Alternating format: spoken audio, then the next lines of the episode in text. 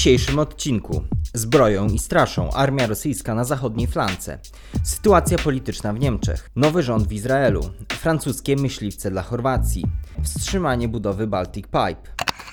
Rosyjski minister obrony generał Siergiej Szojgu poinformował, że do końca roku w zachodnim okręgu wojskowym zostanie sformułowanych około 20 związków taktycznych i jednostek wojskowych. Zostało to zarazem przedstawione jako rosyjska odpowiedź na aktywność NATO. Krajowi komentatorzy skupili się na wątku rzekomo rosnącego zagrożenia militarnego ze strony Sojuszu Północnoatlantyckiego.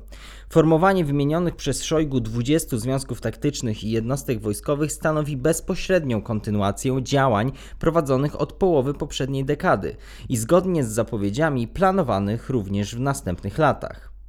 Wzmocnieniu kierunku zachodniego podporządkowana została także rozbudowa południowego okręgu wojskowego oraz wydzielenie jako samodzielnej struktury i rozbudowa północnego okręgu wojskowego.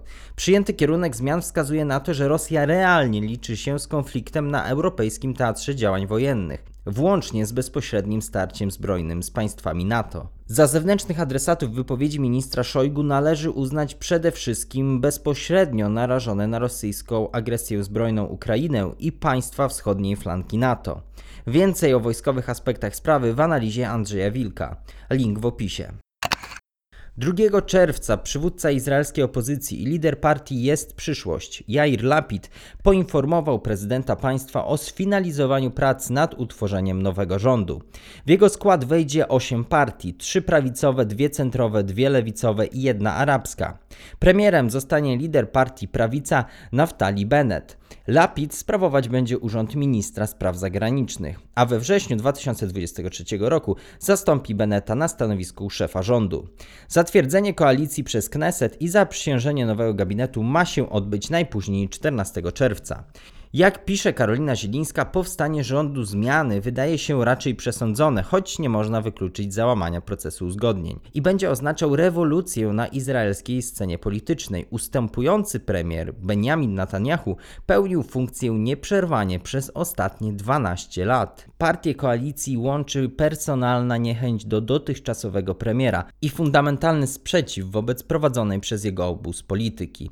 Zarzucają mu polityczne wykorzystywanie konfliktów pomiędzy poszczególnymi grupami społecznymi, podważenie autorytetu wymiaru sprawiedliwości i niezależnych mediów oraz wypaczanie demokratycznych instytucji.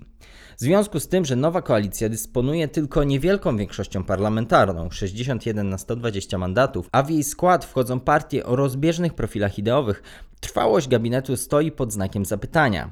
Spójność rządu będą podminowywać napięcia związane z kwestią palestyńską. Koalicyjne ugrupowania prawicowe są zwolennikami rozwoju osadnictwa na zachodnim brzegu i przeciwnikami koncesji terytorialnych na rzecz Palestyńczyków, podczas gdy ich centrowi i lewicowi partnerzy dążą do porozumień pokojowych na zasadzie dwupaństwowej. Więcej także o wyborach prezydenckich w Izraelu w analizie Karoliny Zielińskiej.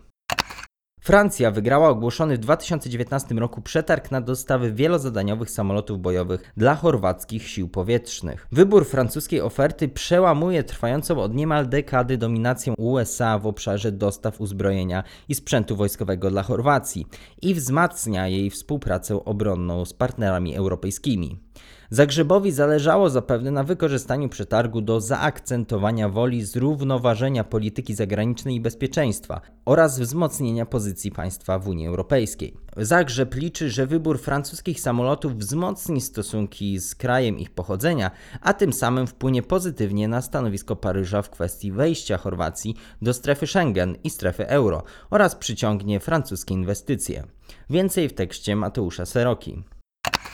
31 maja Duńska Komisja Odwoławcza do Spraw Środowiska i Żywności unieważniła zgodę środowiskową na budowę lądowej części Baltic Pipe w Danii. Komisja stwierdziła, że nie zapewniono wystarczającej ochrony myszom i nietoperzom na jednym z odcinków. Wstępne komentarze krajowych specjalistów nieprzychylnych projektowi Baltic Pipe wskazują na małe prawdopodobieństwo udaremnienia inwestycji w związku z cofnięciem zgody środowiskowej. Będzie ono raczej skutkować niewielkimi opóźnieniami i wzrostem kosztów. Na tym etapie, ze względu na wyjątkowość sytuacji, jest to jednak kwestia trudna do przewidzenia. Więcej w analizie Agaty Łoskot-Strachoty i Piotra Szymańskiego. 6 czerwca odbyły się wybory do Parlamentu Krajowego Saksonii-Anhalt, które zwyciężyła sprawująca władzę w tym landzie CDU. Zwycięstwo CDU w tej ostatniej elekcji przed wyborami do Bundestagu, które odbędą się 26 września, wzmacnia to ugrupowanie na poziomie federalnym i prawdopodobnie przełoży się na wzrost jego popularności w sondażach, stabilizując je na pozycji lidera. Największa partia opozycyjna Saksonii-Anhalt, czyli AfD, osiągnęła wynik poniżej oczekiwań. To ugrupowanie wiązało z tymi wyborami duże nadzieje, że ewentualny sukces poprawi notowania na szczeblu federalnym. Jednak wynik okazał się słabszy niż się spodziewano. W sondażu federalnym przeprowadzonym jeszcze przed wyborami w Saksonii-Anhalt widać poprawę wyniku CDU-CSU, co jest związane z wyciszeniem sporów wewnętrznych. Spada za to poparcie dla Zielonych. Warto zaznaczyć, że deklarowane w badaniach poparcie nie gwarantuje stabilnej większości dla dwupartyjnej koalicji, np. CDU-CSU z Zielonymi. Więcej o sytuacji w Niemczech, w tym o kampanii w sieci w niemieckim monitorze wyborczym. To na dzisiaj wszystko. Zachęcamy do zapoznania się z podcastami Ośrodka Studiów Wschodnich. W tym tygodniu opublikowaliśmy materiały o sytuacji w Rosji oraz o Albanii. Te audycje są dostępne na Spotify oraz na naszym drugim kanale na YouTube. Wszystkie potrzebne linki są w opisie. Do usłyszenia w kolejnych odcinkach.